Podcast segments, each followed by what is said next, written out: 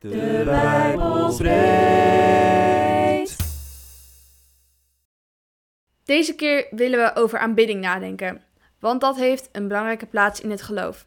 In het Oude Testament zien we dat de tempeldienst en het offeren centraal stonden, en in het Nieuwe Testament krijgt aanbidding een net wat andere vorm.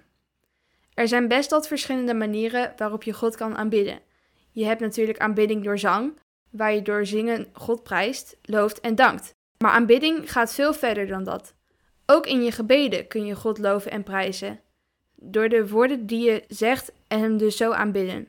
Daarnaast kan je God ook aanbidden door je te verdiepen in de Bijbel en door alle dingen die je doet. Er zijn verschillende termen die we ook met aanbidden associëren, zoals prijzen, loven en eren. Ze vallen ook wel samen in God aanbidden, maar er is ook wel wat verschil. Door God te prijzen en te loven worden we bewust van zijn grootheid, maar ook van onze eigen gebreken, met als effect dat we Hem meer lief gaan hebben, afhankelijker van Hem gaan leven en Hem dus meer gaan aanbidden. Danken is eigenlijk een subcategorie van prijzen, want als we God danken, prijs je God heel specifiek voor wat Hij heeft gedaan. God prijzen is dan God eren en aanbidden om wie Hij is. Uiteindelijk is aanbidding een reactie op Gods heerlijkheid en majesteit en dus iets van iedere dag. Ik roep u er dan toe op, broeders, door de ontferming van God, om uw lichamen aan God te wijden als een levend offer, heilig en voor God welbehagelijk. Dat is uw redelijke godsdienst. Maar waarom wil God eigenlijk dat we Hem aanbidden? God eist onze aanbidding. Kijk maar naar het eerste gebod. U zult geen andere goden voor mijn aangezicht hebben. Heeft Hij dit nodig? Nee, God heeft ons niet nodig, want God is compleet in zichzelf. Maar waarom dan? John Piper zegt het als volgt. Zijn vraag aan ons om hen te aanbidden is dezelfde als zijn doel om ons vreugde te geven. Als God volledig en volmaakt van ons houdt, dan geeft Hij het mooiste wat Hij heeft. En het mooiste wat Hij heeft is Zijzelf. Dit is kort gezegd waarom Jezus naar de aarde kwam. Wat doen we als ons iets geweldigs wordt gegeven of getoond? We prijzen het. Dus waar het dan op neerkomt, is dat God het beste voor ons wil en zichzelf geeft, zodat we complete vreugde en liefde kunnen ervaren. Uiteindelijk draait het ook om een andere vraag, namelijk: wil jij deze God aanbidden? Als je naar God kijkt en het feit dat Hij zijn zoon naar de aarde stuurde voor ons, dat spreekt dan zoveel liefde. Hoe kan je dan iets anders doen dan God aanbidden in alles wat je doet? We lezen uit Marcus 14, vers 1. De zalving in Bethanië. En na twee dagen was het Pascha en het feest van de ongezuurde broden. En de overpriester en de schriftgeleerden zochten naar een manier om hem door een list te grijpen en te doden. Maar ze zeiden, niet tijdens het feest, opdat er niet misschien opschudding onder het volk ontstaat. En toen hij in Betanië was, in het huis van Simon de Melaatse, kwam er, toen hij aanlag, een vrouw met een albasten fles met zuivere, kostbare nardus zalf. En nadat zij de albasten fles gebroken had, goot zij hem uit op zijn hoofd. En er waren sommigen die verontwaardigd waren bij zichzelf en zeiden: Waartoe diende deze verkwisting van de zalf? Want die had voor meer dan driehonderd penningen verkocht en aan de armen gegeven kunnen worden. En zij vielen scherp tegen haar uit. Maar Jezus zei: Laat haar met rust, waarom valt u haar lastig? Ze heeft een goed werk aan mij verricht. Want de armen hebt u altijd bij u, wanneer u wilt, kunt u hun wel doen, maar mij hebt u niet altijd.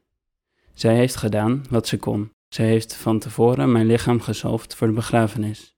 Voorwaar, ik zeg u, overal waar dit evangelie gepredikt zal worden, in heel de wereld, zal ook tot haar gedachtenis gesproken worden over wat zij gedaan heeft.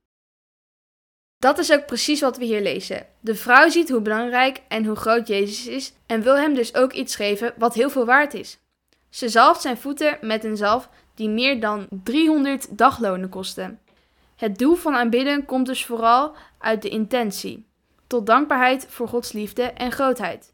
De uiting van aanbidding is dus ook niet enkelvoudig, maar kan heel veel vormen aannemen. Iedereen uit op zijn eigen manier adoratie voor God. Er komen dan ook veel verschillende vormen van terug in de Bijbel.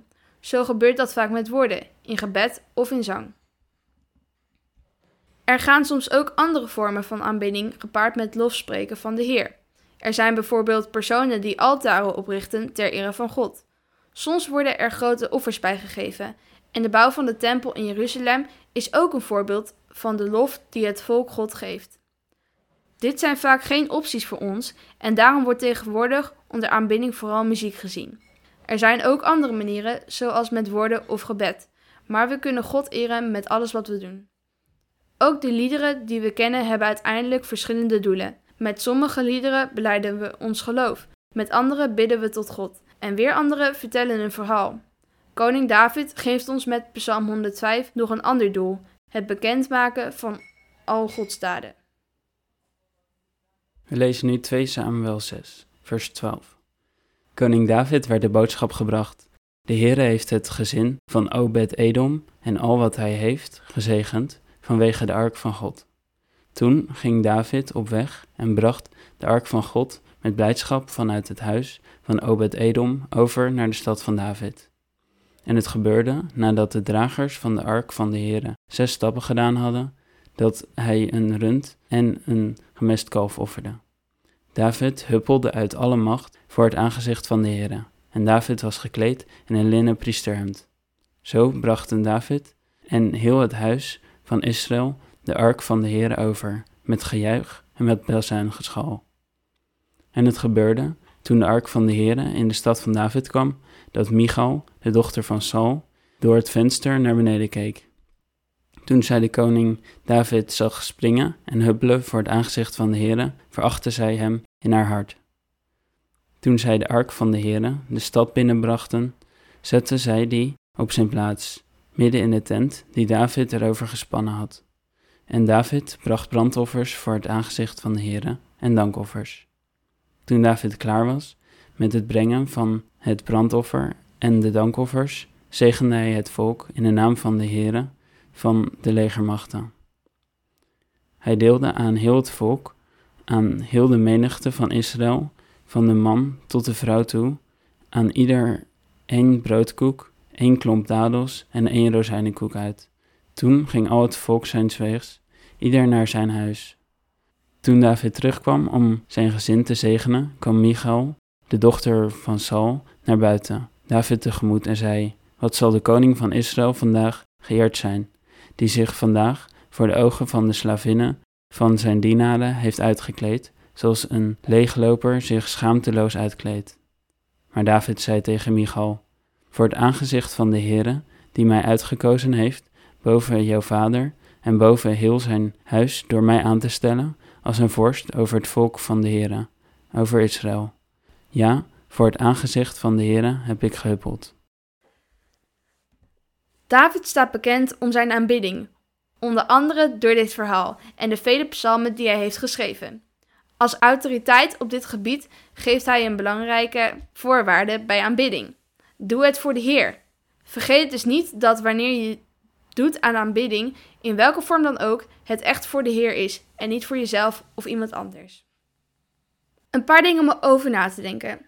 Bedenk hoe jij God kan aanbidden vandaag met wat je doet en zegt. Kan de aanbidding die je doet verkeerd zijn, ook met de juiste intenties? Vader God, lieve Heren, we willen graag bidden voor de mensen die worden vervolgd en uh, God niet vrij kunnen aanbidden. Wilt u bij hen zijn en uh, hen zegenen? Nou ja, zorgen dat ze toch misschien op hun eigen manier u kunnen aanbidden. En uh, we willen ook danken dat ze toch nog bij u blijven, Heer. We willen ook uh, bidden dat we snel weer voor, met elkaar mogen zingen voor u. Dat we weer mogen prijzen. Dat we weer bij elkaar mogen komen om u te aanbidden, Heer. En Heer God, we willen u ook danken dat u altijd het beste met ons voor heeft. Amen. Deze podcast werd mede mogelijk gemaakt door... En Marie. En Jelmer.